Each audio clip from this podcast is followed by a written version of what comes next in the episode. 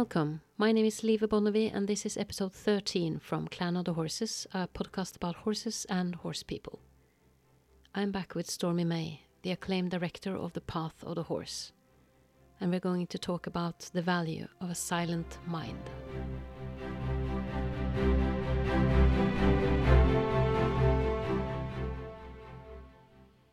One of the things I also wanted to talk to you about was uh, the experience of how important it is for horses that we have a silent mind. Because when I bought this lovely horse I have now, which I I really adore him, I let him out in the pasture for the first time and he kind of got acquainted with the other horses and I came back the next day and I sat down on a rock far away from the horses and just waited. And each and every horse came and greeted me and said hello, apart from my horse. And I was sitting there and sitting there, and it took hours. And at some point, I thought, let's just check the news and check Facebook and do something else. And when I looked up, there he was. So mm-hmm. he's that sensitive. Such a blessing. Mm-hmm. So he could kind of feel the en- for sure a lot of energy. I had hadn't had my own horse in nine years. I was really excited, and he was saying, "I'm not going there." So just when I said, never mind, I'll do something else, then he could approach me. And that was a really important first day lesson with that horse. And every time since, I've been trying to find that place where I can meet him silent. Because if I'm not, he's not going to come. So, mm-hmm. so he's been a great teacher. But I was wondering your experience about, you know, finding the silence inside a busy modern human life. Yeah, that's the key, and that's the fundamental place where people get stuck in with horses and in life. Is you know basically the opposite of the silent mind is one that's filled with all these concepts, all these you know beliefs from our parents, beliefs from media, beliefs from our teachers, our writing instructors. You know, how do we know what's what's really true and what is relevant to our life? You know, everybody who has tried to shape us probably has our best interest in mind. They're really trying to help us, you know, e- even the vet, even the, the trainer, even the, the parents. But they're reporting on their experience, which might have been with different goals, might have been with different horses, might have been in a different time with different resources. So if we just keep repeating that, repeating that, we won't develop our own relationship, or our relationship will just be you know, fitting into somebody else's story.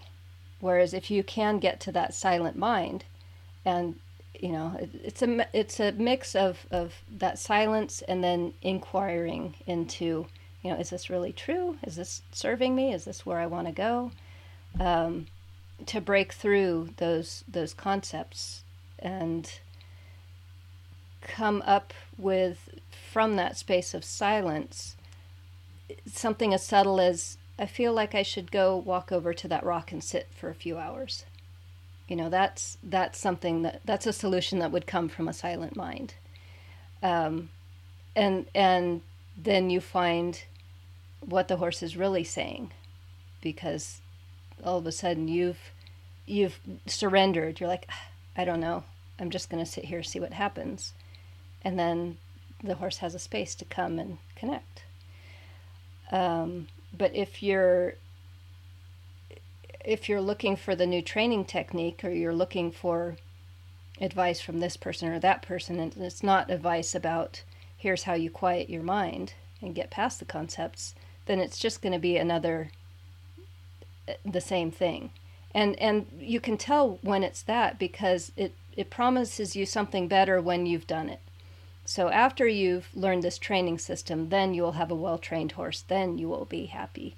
Or after even after you get this new land, then you will be happy. Or after you finish this course, you will be happy. Or after you get this diploma, you will be happy. After you get the right job, you'll be happy. After you have enough money, you will be happy. If it's anything like that, it's not the silent mind. The silent mind is where's the happiness and the joy and the love and the connection and the compassion, empathy right now, today, in this minute? And that's that's what the silent mind is. That's the that's where nature can speak to us. And and when I say nature, I mean you know, that which we are part of. You know, like like say nature is the whole body and we are this little fingernail. So is that? so the so the quieter we are, the the more we can hear what the whole body is saying, which isn't hit that horse, which isn't you know, force somebody to do what you want them to do unless they really need it, you know, push the kid out of the road so they don't get hit by the car. Um, but when we find techniques that can bring us to that silent mind, or you could say presence, over and over again, then we're connecting back in with, okay, nature, what's the, what's my highest move now? What's my highest mood now? And it, it's, you probably won't get a, a verbal answer, but it'll just feel like, ah, this feels good. This feels right in my heart. This feels exciting to me. This feels like a creative solution. So, um, say you're you're stuck on my horse needs more exercise. If you could try and answer that through that silent mind, it's not going to be, oh, we'll do this training technique. This will get the fat off of him. It'll be, you know, let me try this. And then if it feels good and it's going the right direction, great, keep doing it. If it feels like, mm nope, that's not it, then that's the, the bigger body of nature saying, nope, this is not in harmony with, with this creation. If you, if a person puts all their resources to learning this, it's kind of like the one thing that will make everything easy. But we're up against ourselves and that's where you know i had to work with different mentors and i suggest other people work with mentors because otherwise you're stuck with your own demons you're stuck in your own head. Um, i mean one of the characteristics of those voices in our head is they keep talking until we're right you know we're always right in our own head. But but if we can learn to get out of our own head and really tune into this greater body, then it's it's no longer really you know trying to put the puzzle pieces together. It's just being quiet until you feel oh i'm going to go do this.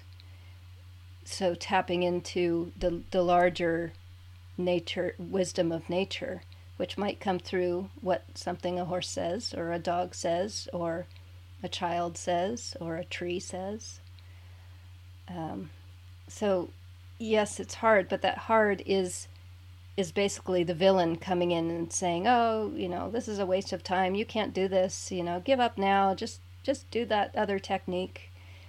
And if you're working with somebody who can catch that, who's been through that path and and you know knows what that looks like, they can say, "Are you sure about that?" You know, you might want to uh, experiment a little bit more because it sounds like the villain here. And and when you have somebody that keeps pointing that out to you all of a sudden you can start catching it yourself. And it's like oh there it goes again. Okay and it's it's not wrong or bad it's what we're all up against. So you know it, it's it's really a beautiful heart opening path you know? So even if it's like oh my horse is telling me he never wants to be ridden again that's not a bad thing at all. That's like, oh my gosh, this is amazing. And look at all the stuff that we can do together out in the pasture. This is wonderful. This is like my meditation area or my sanctuary where I can be together with them and we're all happy. It's you don't feel bad about it. You don't feel like, oh, he's not living up to his full potential because we're not not able to do this at all. It feels like, oh, this is so much better because you know, finally I'm I'm really listening to him and honoring him and not, you know, still trying to manipulate in my, my devious little ways. you do? Is that your experience? That's that it's kind of luring on the you know, slightly under the surface still, or? Um, well, for me these days, it would come up as let me see if I can think of a good example. Um, it would look like um, this is a more of a human example because it's more real right now. But say um, our our ten year old needs to do her homework, and she doesn't want to do her homework, and I think she needs to do her homework, and so am I. How much am I going to fight for her to do her homework? Am I, how much am I going to manipulate for her, her for her or can I really step back in the moment and say, "You know what? It would be better for me to let this go right now." You know, it would it would strengthen our bond. She'll still learn what she needs to learn, but maybe today isn't the day. Or it, with the horse, you know, um, I'm out there and I want to pick out his feet just to look at his feet and make sure they're okay. But the horse is just saying no. Could I let that go for today? I mean, I'll probably ask again tomorrow and I might get a different answer. But can I really tune into the silence and that, that humility of, I really don't know if it's the best thing to push and just keep asking for the hoof because I think the horse needs to give it to me and he should obey and it's in his best interest? Or, you know, in this moment, could I just let it go? And then maybe in 10 minutes, he'll be like, oh, sure, no problem. Because part of developing this relationship is really honoring that no, whether it's with your kid or your partner or your horse. You know, can you really listen and hear that uh, sometimes a no really needs to be a no? And, and by you not being hurt or offended by it and just letting go control, could you end up with what we really want, which is this, this close, beautiful bond? Is that is that what you're asking? Yeah, sort of. so, um, if I rewind to the short career I had when I did competitions with horses, uh, I did feel that I had a beautiful bond with my horse back then as well. Mm-hmm. Um, yeah. What I'm, uh, what I, I, I really wish that it would would be possible, sort of, to to to rewind and go back in time and and see what it was really like. Mm-hmm. Because all I know is what it felt like from me. Exactly. And that's where it's it's really hard to talk with other people about it if it's not something that's happening right now. Because, you know, I, I I'm kind of a brain science nerd and we just remember all sorts of things that may or may not have actually been true. So it's it's kind of like you just have to leave that behind and, and just deal with what you have today. And, you know, even even looking into the future, I, I try not to suggest things for people to try because who knows? It's, I'm not them. I'm not with their horse. I'm not in that relationship. But I can teach them how to find that still mind and how to inquire into themselves in that moment with okay this feels right this feels not right this feels expanding relaxing good this feels i don't want to be that person. So yeah. But there are no points handed out for inner growth. There are no ribbons no rewards no oh, i would say it's the opposite. Uh, it's the real it's the real. Yeah. But i mean it's if the real ribbons. Yeah but if you if you come from let's say if you if you go back 30 years mm-hmm. then this we probably wouldn't have this conversation. We would be having another conversation would be my guess. Yeah it, it really wasn't on humans radar. I mean the the first you know i started writing in the 80s and it wasn't till you know kind of mid 80s was when natural horsemanship was born and that was you know, supposed to be the solution. Yeah. Natural horsemanship, you know, that's, that's what we want. We want nature. But then, you know, you do it and you realize, oh, wait, this is the same thing. You're still increasing the pressure until the horse does what you want. Um, so, you know, back then that was the conversation. How can you do it as gently as possible? But still Whereas, do it. Yeah, exactly. You're still manipulating. And that's honestly, that's where 99% of the horse world still is today. You know, how can you be the gentle horse trainer? How can you harmoniously ride and, and do run barrels and jump jumps? Um, which again, it's fine. You know, I was there for 30 years and, and you know, I, I didn't have a problem with it until I did. But now, you know, that's kind of my big thing is is is I have moved way past that and as I put my message out and share my story, there's people that are like, "Oh my gosh, yes, th- I knew it." You know, thank you for putting that into words. So it's not I mean, I'm not really trying to convince anybody. I'm just saying, "Hey, here's what I found." And then the people that have felt that way too or are are you know, suspicious that there might be something here, then they're like, "Oh, wow, thank you for for saying that. I, I knew it all along. Yeah.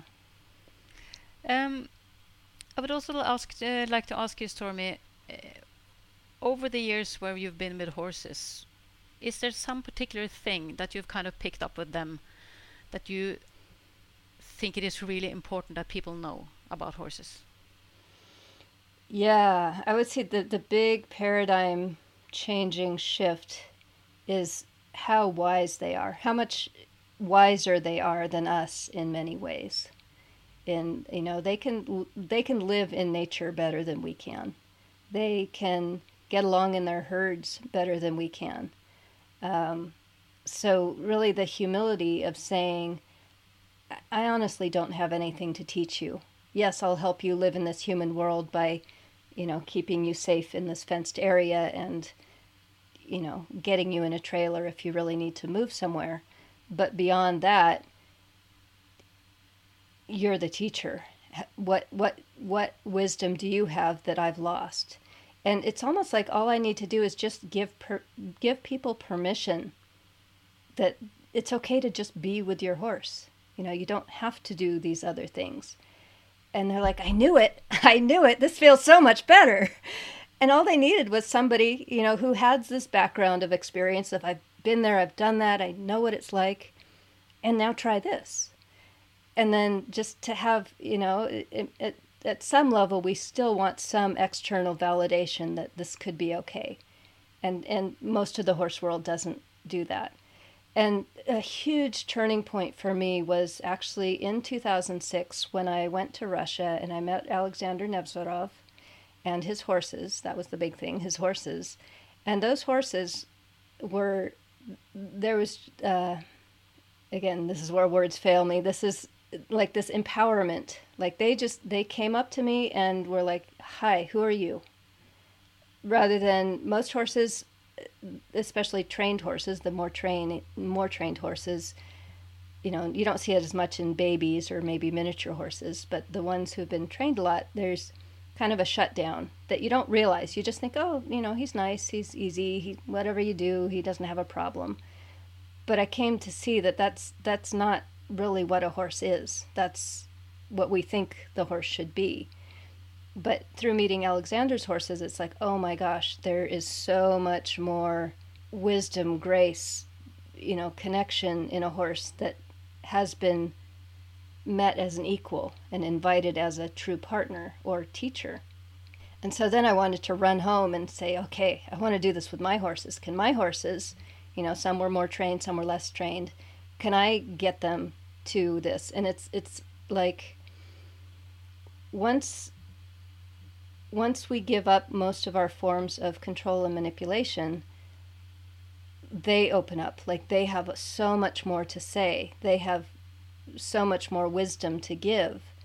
And that's why, you know, right now I just have the two horses, but when people meet them, they're just blown away. Like, this is a horse?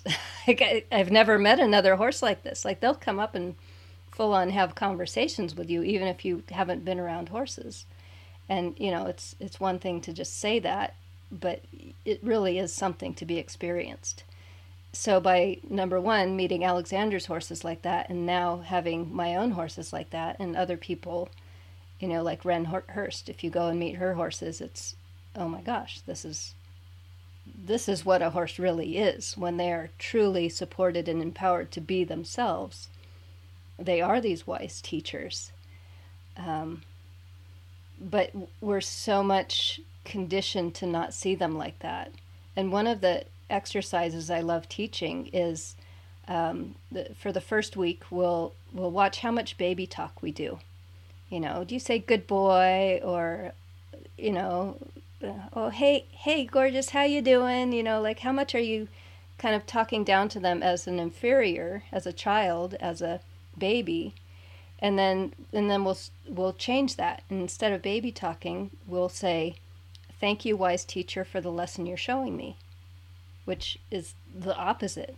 It's now they're now they're the one up here and we're the one with a silent mind listening and watching for if they were teaching me a lesson right now what would it be so that's just a, a, a tangible example of how we just unconsciously are putting them down, putting them down, thinking that we're the ones that have to show them, we're the ones that have the more knowledge and more wisdom. But maybe not. Maybe they're the ones that have the keys that, that we've lost that we're looking for.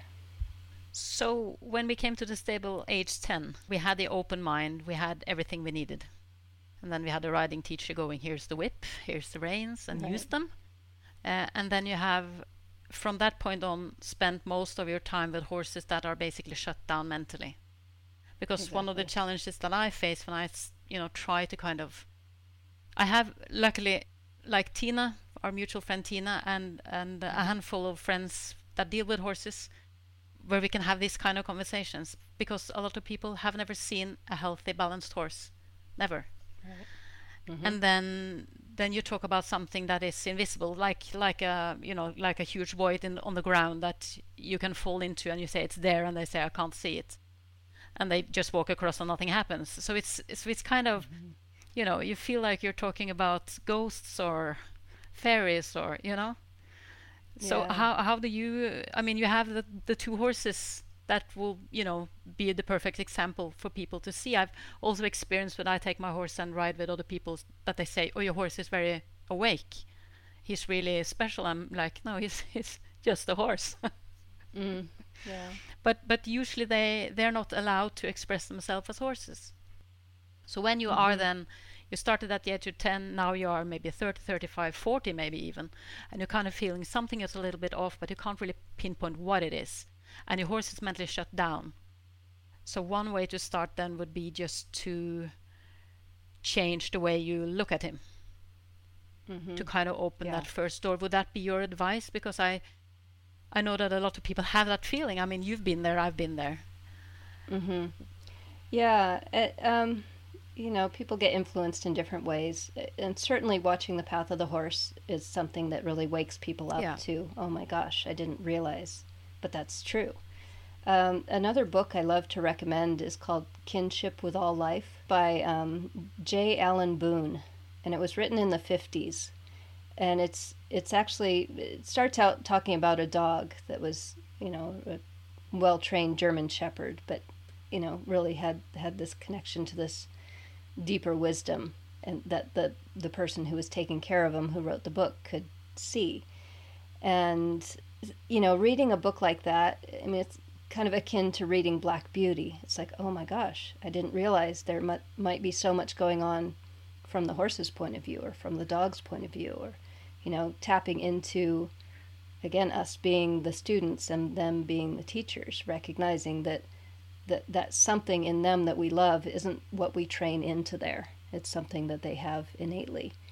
So, um, the movie, the book, and getting a mentor. You know, one one big reason I also kind of went away from the horse training world is that I looked at the the trainers that I respected the most, and you know, not just what can you do with horses, but what does your life look like? And it's like, mm, I don't want to be like that. that's not that's not who I want to be. So yes, I went and, and found the people in the path of the horse, and some of them, you know, I want to be more like than others. But but even beyond that, I went to human teachers. You know, who lives in a beautiful community that they've created where people get along, where people know how to work out their differences from a higher perspective, not not rules and regulations, but the clear mind, the following nature, the the really you know, fundamental feeling that we are all one. We are all parts of the same body. And from those teachers, the ones that, that really could teach it the best, they all had exercises. They all had exercises that you do, you know, similar to meditation or yoga, but more ones that you do in everyday life. So you don't have to go sit for an hour. You don't have to, you know, do a yoga pose in the middle of a conversation. What are ways that we can wake up in a moment to to check back in with ourselves with with nature with okay what's the right path right now so by finding those people that's what really accelerated my journey after the path of the horse was finding these teachers it's like oh my gosh that's you know the way um, people respect you and and really value your wisdom. How do you do that? And it came down to these exercises. And the exercises you can see them as like doorways into presence, doorways into letting go of old concepts, tapping into nature. So, you know, yeah, start with a book and a movie, but then really find a mentor who is living in a way that looks good to you. Maybe there's people in the horse world that do it. I, I haven't really found them, but I've tried to become one um, because that that was the big hole that I saw was needed. Is is how can I mean the the stuff that I teach? Yeah, it's it's for horse people because that's who I know, but it's it's not horse stuff. It's it's human growth stuff because once we've grown enough, we can just talk with them directly. We don't need a trainer to tell us to do what to do because we're we're just talking directly to the horse in a metaphorical way, of course. So if I if I hadn't found those human teachers that took me even further than the ones that specialized with horses, I wouldn't have realized how this all goes together. And then once I found that with the human teachers, of course it applies to the horses because they are so much about already being connected to nature. So then everything just kind of fit together, and and I, that's what I'm trying to bring to the world now is just all these different opportunities to learn how to get into presence, to quiet the mind, to hear for yourself what to feel for yourself what your next step is that feels amazing, that feels in alignment. I would like to end also this um, this talk, uh, Stormy, to ask you about your new film project. Ah, yeah, yeah, that's exciting. Because um, I, I so saw that you had some crowdfunding. You managed to get the money that you needed for that kind of phase in your production mm -hmm. plan. So, yeah. what is the status on your new documentary project, or is it? It was a series, mm -hmm. wasn't it? Yeah, it is going to be a series. We've gone back and forth. Is this just going to be one movie, or is it going to be a series? But it's it's pretty definitely going to be a series at this point. Um, and it's called Peace and Horses. And um, yes, of course, it'll be very relevant for horse people, but we're we're making it so that anybody can really get it and uses using the horses and, and horse training and such as more of a metaphor for, you know, growing and waking up in our own human lives, whether you're with horses or dogs or cats or, or not. Um, that, you know, we, we'd hoped to have it done before the coronavirus, but um, then that hit and it's like, oh my gosh, the world is changing. We need to just wait and craft it from a, a little further out. So now that we've now that the world has shifted and that we're we're all kind of scrambling to see okay now how do we really want to make it now now that we've had this break and this kind of look at um, our mortality you know um, i think it's going to be a much richer project and something that again is easy to share you know it's so much easier to say oh watch this series even easier than read a book or you know take this class so um, definitely going to be giving out some of the exercises in there to get people, you know, understanding what this is like. Um, but then also, you know, mix in the science, mix in the spirituality, mix in the the uh, the grand vision for where we can go with all this, um, which which includes networking and um, probably expanding sanctuary spaces. You know, whether it's animal sanctuaries or human sanctuaries. It's really kind of the vision that keeps coming to me of this is how we can create that world. You know, we we all have our well, not we all, but enough people have their own pieces of land that if if we could, you know, expand the idea of sanctuary, it's going to create a lot more safe, healthy pe- places for both people and animals to thrive. Mm you're in the post-production process now. Is that on the pilot alone, or is it on the complete series? The complete series. Okay. Yeah. Do you yep. have like a guesstimate about launch time or? I don't do that anymore. Every time I do, it's like, nope, that's not it. So. okay. It would be super if it was this year. Yeah. Okay. Um, that that would be super. Yeah. Stormy, thank you very much for having this talk with me.